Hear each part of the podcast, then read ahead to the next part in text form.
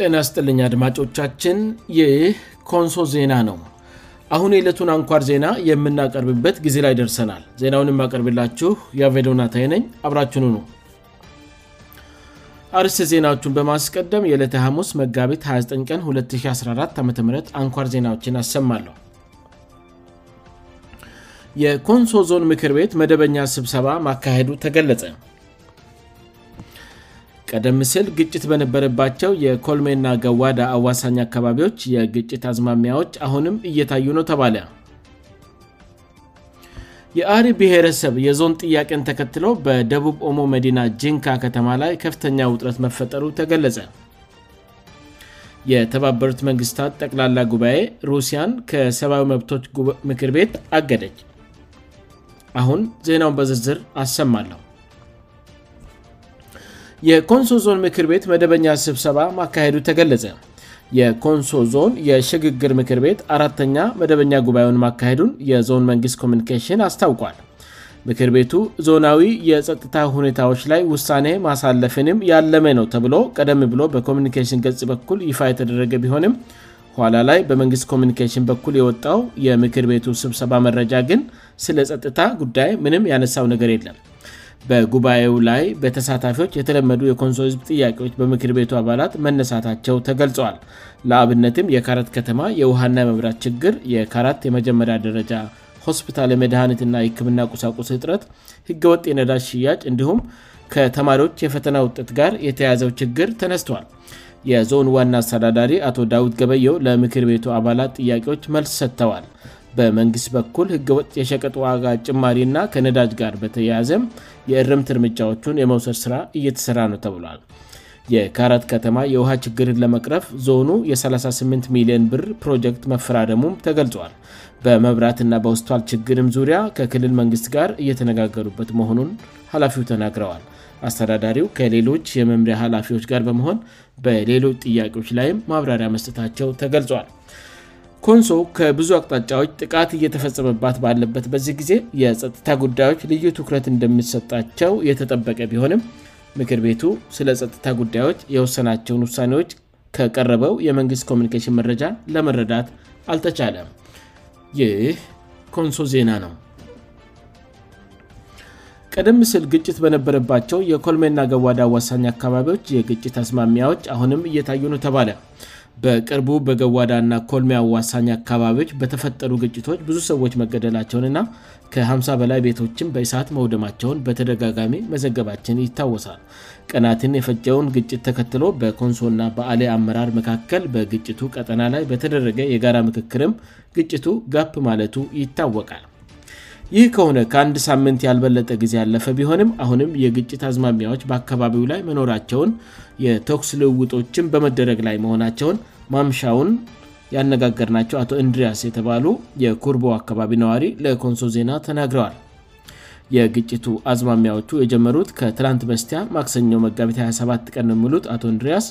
የአጎራባች የአለልዩ ወረዳ ቀበላያት የሆኑት የቀርቃርቴና የእየና ቀበለ ነዋሪዎች በመሳሪያ ኃይል በመታገዝ ባለፈው ቤቶች ባቃጠሉባቸው የካላንጎ እና የኩርቦ መንደራት ውስጥ ገብተው በእርሻዎች ላይ የሚገኙ የሽፈራ ዛፎችን ና ማንኛውንም ጠቃሚ ዛፎችን በመጨፍጨፍና በእርሻዎቹ ላይ ከብቶቻቸውን በማሰማራት የግጭት ሰበብ እየፈለጉ ነ ብለዋል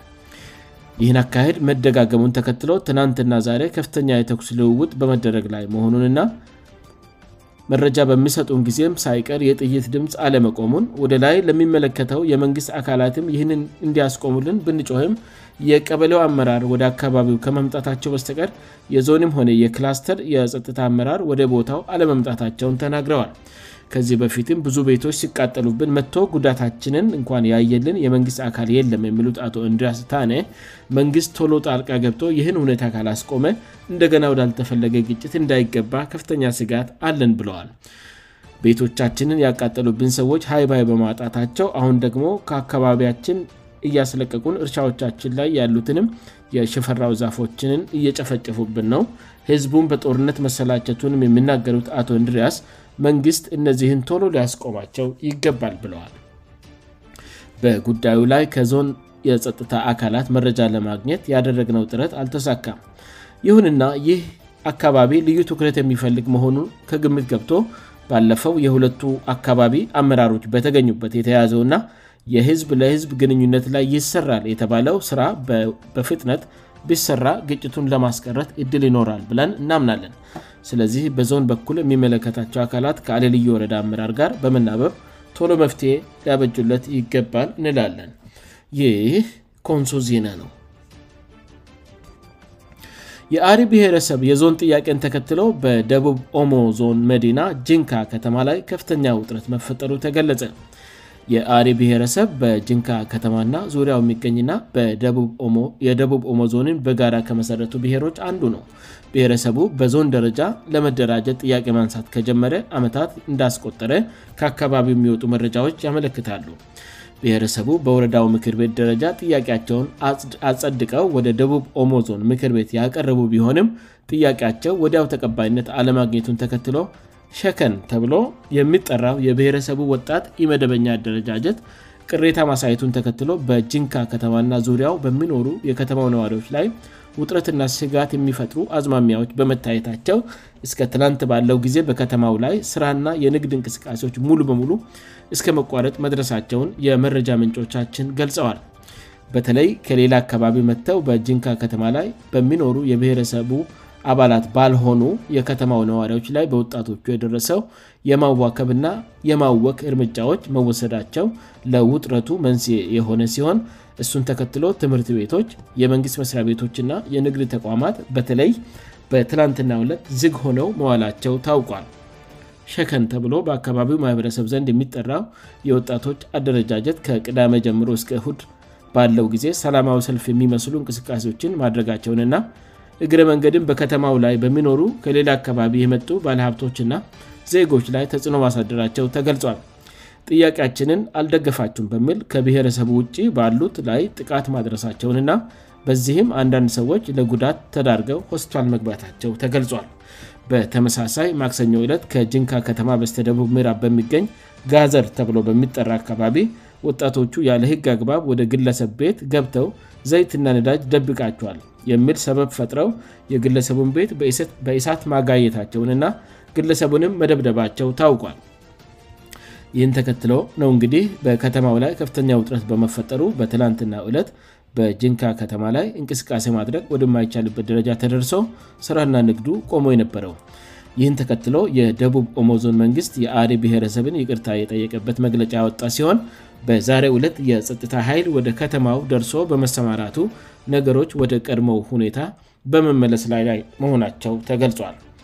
ይህ ኮንሶ ዜና ነው የተባበሩት መንግስታት ጠቅላላ ጉባኤ ሩሲያን ከሰብዊ መብቶች ምክር ቤት አገደ የተባበሩት መንግስታት ድርጅት ተመድ ጠቅላላ ጉባኤ እግዱን የጣለው ሩሲያ በዩክሬን ባካሄደችው ልዩ ወታደራዊ ዘመቻ ወታደሮቿ መጠነ ሰፊና ስልታዊ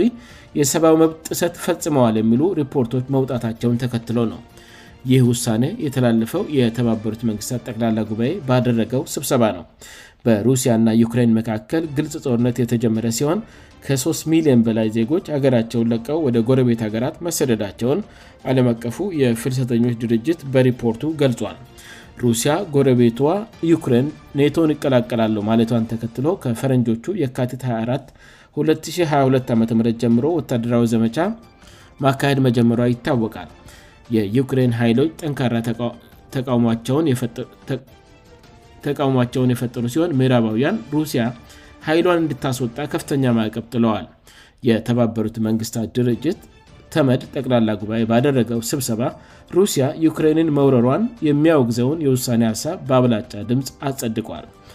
ሩሲያ በዩክሬን ላይ ጦርነት የከፈተችው የኔቶ ጦር ዩክሬንን ጨምሮ ወደ ቀድሞ የሶቪየት ህብረት ሀገራት እየተስፋፋ ነው ይህም ለደህንነቷ አስግ እንደሚሆን በመግለጽ ነበር የሩሲያና ዩክሬን ጦርነት እየቀጠለ ቢሆንም ሀገራቱ ችግሩን ለመፍታት ውይይታቸውን ጀምረዋል ይህ ኮንሶ ዜና ነው አድማጮቻችን ዜናውን ከማብቃቴ በፊት አርስ ዜናዎችን በድጋሚ ያሰማለሁ የኮንሶ ዞን ምክር ቤት መደበኛ ስብሰባ ማካሄዱ ተገለጸ ቀደም ስል ግጭት በነበረባቸው የኮልሜእና የገዋዳ አዋሳኝ አካባቢዎች የግጭት አዝማሚያዎች አሁንም እየታዩ ነው ተባለ የአሪ ብሔረሰብ የዞን ጥያቄን ተከትለ በደቡብ ኦሞ ዞን መዲና ጅንካ ከተማ ላይ ከፍተኛ ውጥረት መፈጠሩ ተገለጸ የተባበሩት መንግስታት ጠቅላላ ጉባኤ ሩሲያን ከሰዊ መብቶች ምክር ቤት አገደ ዜናው በዚያ በቃ አድማጮቻችን የዕለቱ አንኳር ዜናዎቻችን ይህን ይመስሉ ነበር ስላዳመጣችሁን እናመሰግናለን ከንሶ ዜና ነገ ምሽት በተመሳሳይ ዝግጅት እንደሚጠብቁ ተስፋ ያደርጋል እስከዚያው በደህና ቆዩም